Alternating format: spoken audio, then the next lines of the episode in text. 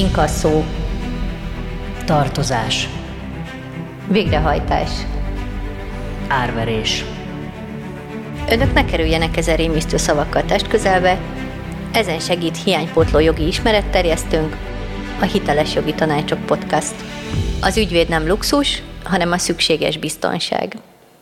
Újra üdvözöljük a kedves nézőket a podcastünkben. Ne felejtkezzenek el róla, hogy feliratkozzanak rá és nyomják a csengőt. A mai vendégünk újra dr. Nagy Zsuzsanna ügyvéd. Üdvözlöm a nézőket, jó napot kívánok! Beszéljünk ma az át nem vett fizetési meghagyás után következő metódusokról. Mi van akkor, hogyha nem veszik át a fizetési meghagyáshoz kapcsolódó tértivevényt, de, de ez nem szándékosan történik. Szóval mi van, hogyha tényleg nem tudjuk átvenni, és egyszer csak érkezik egy olyan levél, hogy kézbesítési fikció. Ja, önmagában, amikor a fizetési meghagyást nem veszük át, és visszamegy nem kerestével, akkor ugye a közjegyző erről kap egy értesítést, aminél a posta beállítja, vagy bejelöli azt a részt, hogy nem kereste, és ekkor a közjegyző egy teljesen sima levélben, tehát tényleg egy nem ajánlott, nem tértevényes levélben, hanem teljesen sima levélben kiküldi azt, hogy értesít bennünket arról, hogy jogerősé vált a kiküldött fizetési meghagyás, és úgynevezett, és a jogerő úgynevezett kézbesítési fikcióval állt be, mert a levél, a fizetési meghagyásról szóló levél nem kerestével ment vissza, nem kereste jelzéssel ment vissza a közjegyzőhöz. Ebben az esetben még nincs veszve minden. Ha ezt így hagyjuk, nem csinálunk semmit, akkor tulajdonképpen a fizetési meghagyás az jogerősé vált. Jön a végrehajtó.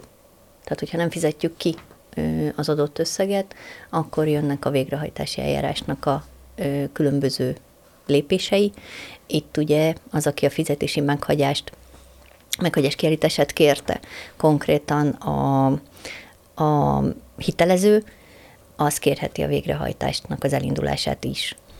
Viszont, hogyha úgy gondoljuk, hogy valami nem stimmel, hogy valamiért nem tudtuk átvenni ezt a fizetési hát meghagyást. ez legyen gyanús, hogyha érkezik egy ilyen levél, mert akkor jó esetben tényleg nem tudtuk átvenni azt a tértivevényt, nem pedig nem akartuk átvenni.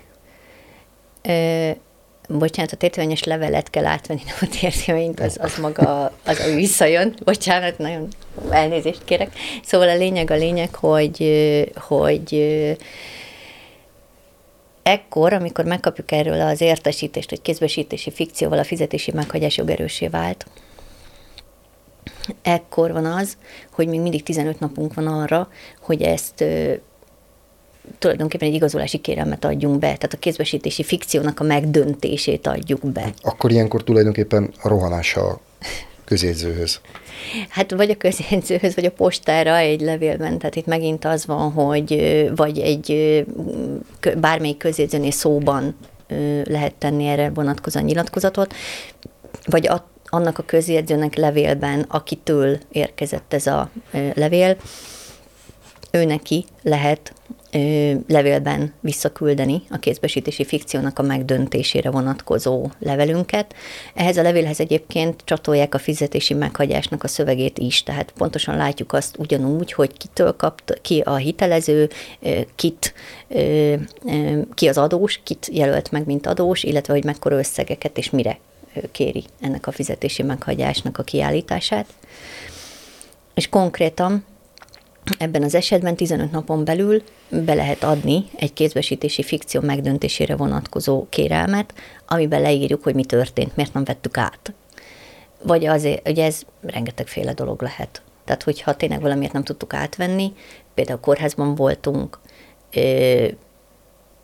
külföldön voltunk, nem arra a címre érkezett egyáltalán, ahol lakunk, nem az, tehát hogy, hogy annyi minden lehet, úgy, úgy, úgy hogy, hogy mi lehet ilyen igazolási kérelem. Értelemszerűen ne hazudjunk, tehát nem arról van szó, hogy itt most valótlan dolgokat kell áll, állítanunk, ehhez azért már valamilyen igazolást is kell tenni. Tehát valamilyen bizonyítékot kell tenni, vagy valaki, hogyha külföldön vagyunk, akkor leigazolja, hogy náluk voltunk, vagy ha kórházban voltunk, akkor mondjuk az orvos igazolja, hogy kórházban voltunk, és akkor ezért nem tudtuk átvenni. Tehát, hogy ezek valós igazolási kérelmek legyenek, ha lehet. Mi van akkor, hogyha ha tényleg nem volt ott a tértivevénynek az értesítője a postaládában? Ilyenkor szoktuk azt javasolni, hogy menjenek be a, az ügyfelek a postára, és tegyenek panaszt, vagy vetessenek fel erről egy jegyzőkönyvet. Ezt majd, ezt a jegyzőkönyvet szoktuk beküldetni a, a közjegyzőhöz, és általában 30 napja van a postának arra, hogy kivizsgálja, hogy mi történt, hogyan történt, volt-e értesítés, és a többi, és utána lesz erről egy postai válaszlevél, amiben megint csak le lesz írva valami. Csak ugye mivel a posta 30 napon belül tudja ezt, 30 napon belül fogja kiállítani ezt a választ, és nekünk a kézbesítési fikció megdöntésére 15 napunk van a készhezvételtől, a postaládában megtalálástól számított 15 napon belül. Tudjuk ezt megtámadni, ezt a kézbesítési fikciót, ezért minél hamarabb adjuk be a jegyzőkönyvvel együtt.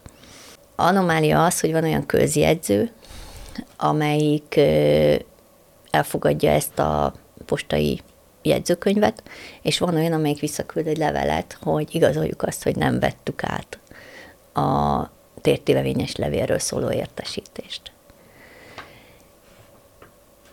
Bevallom őszintén, mindig gondban vagyunk azzal, amikor olyasmit kellene bizonyítani, ami nem történt meg. Tehát, hogyha azt a levelet kapjuk vissza a közjegyzőtől, hogy igazoljuk azt, hogy nem kaptuk meg a tértívevényes levélről az értesítést, akkor tulajdonképpen a postai jegyzőkönyv lehet az, vagy a postai levél, válaszlevél, panaszra a válaszlevél Teljesen a közjegyzőtől az. múlik, hogy ezt elfogadja, vagy Igen.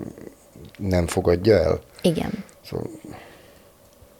Felebezni lehet a végzése ellen értemszerűen, de igen, rajta múlik. Ő nagyon sok ügyben, nagyon sok eljárásban ugyanúgy kell tekinteni a közjegyzőt, mint hogyha a bíróság előtt lennénk. Tehát a közjegyző a bírói székben ül nagyon sok ügyben. Szóval itt dönthet úgy a közjegyző, hogy, hogy nem fogadja el. Igen, így van pontosan, és akkor jogerősé vált az FMH. Uh-huh. És akkor jöhet akkor a érdemes jobban lenni a postással, hogy tudjunk ezekről a dolgokról. Egyébként is mindig érdemes jobban lenni a postással, mert postások nagyon, ha jól végzik a munkájukat, akkor nagyon jó ö, szolgálatot tesznek nekünk, azt gondolom. Nekünk például nagyon jó postásunk van. De igen, van olyan, amikor tényleg vannak bizonyos anomáliák a postán.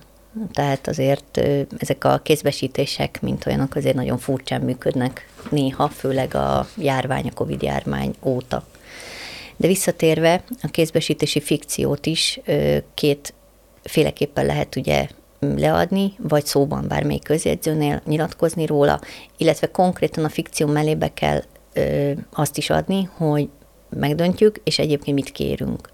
Tehát itt is bejöhet az, hogy vagy fizetési halasztást kérünk, vagy részletfizetést kérünk. Visszamehetünk a rajtkőhöz Visszamehetünk a rajtkőhöz, vagy pedig ellentmondunk. És ez azért fontos, mert itt van még egy plusz lépés, a jogalkotó adott nekünk egy plusz lépést, hogyha valami miatt nem jut tudomásunkra a fizetési meghagyás megérkezése, akkor azért lehessen még nekünk valamit tenni, hogy a startkőhöz visszamenjünk, és ha például nem tartjuk jogosnak a követelést, akkor ellen tudjunk mondani. Viszont az, hogy ez a levél csak normál levél formájában érkezhet meg, az, az is vett fel azért kérdéseket, amit nyilván a jogalkotónak kéne feltenni.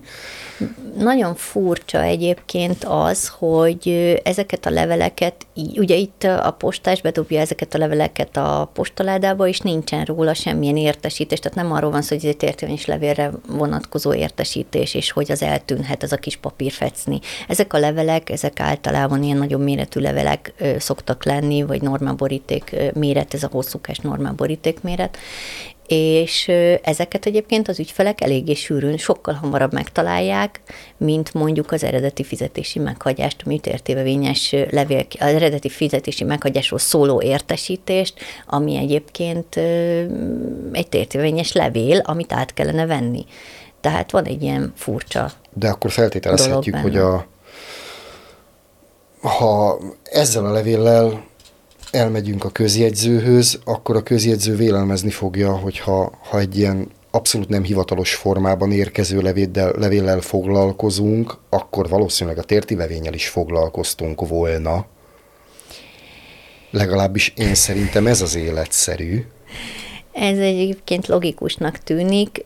Az az igazság, azt nem tudom megmondani, hogy egy közjegyzőnek a fejében mi jár akkor, amikor megkap egy ilyen kézbesítési fikció megdöntéséről szóló levelet. Tehát nem tudok tippelni sem, hogy melyik közjegyzőnél De melyik lesz. ne feltételezzünk alapból rossz hiszeműséget. Ja nem, természetesen. Ez nem arról van szó, hogy rossz hiszeműek lennének, csak ez egy döntés kérdése, hogy mi az, amit egy adott közjegyző elfogad vagy nem fogad el, mint kézbesítési fikció megdöntésére vonatkozó indok, illetve bizonyíték.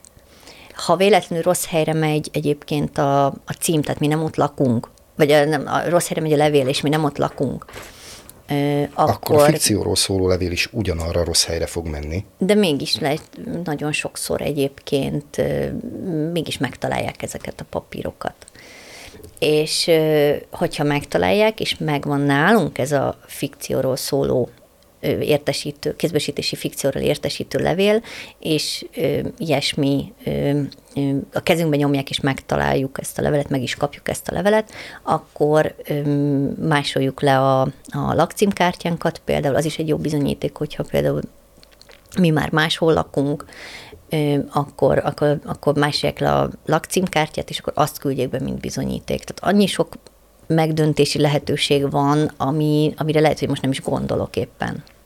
Mi van akkor, hogyha maga a fizetési meghagyás is rossz címre megy, és ugye ezzel párhuzamosan akkor nyilván a kézbesítési fikcióról a levél is ugyanarra rossz címre megy, és, és mi nem jutunk hozzá egyikhez se, és kifutunk mind a két alkalommal a 15 napból akkor nagy valószínűség szerint a végrehajtó már meg fog találni bennünket, vagy így, vagy úgy, vagy amúgy, valahol, vagy a munkahelyünkön, vagy a bankszámlánkon, vagy bármi ilyesmi, és hogyha adott esetben ö, a végrehajtó küld egy papírt, vagy éppen inkasszálja a számlánkat, akkor be lehet menni a végrehajtóhoz, elkérni tőle a végrehajtási lapot, és a végrehajtási lapon megint csak egy csomó olyan információ van, ami alapján utána el lehet indulni, és akár le is lehet állítani ilyen esetben ezeket a akkor, akkor az így elindított végrehajtás tulajdonképpen leállítható.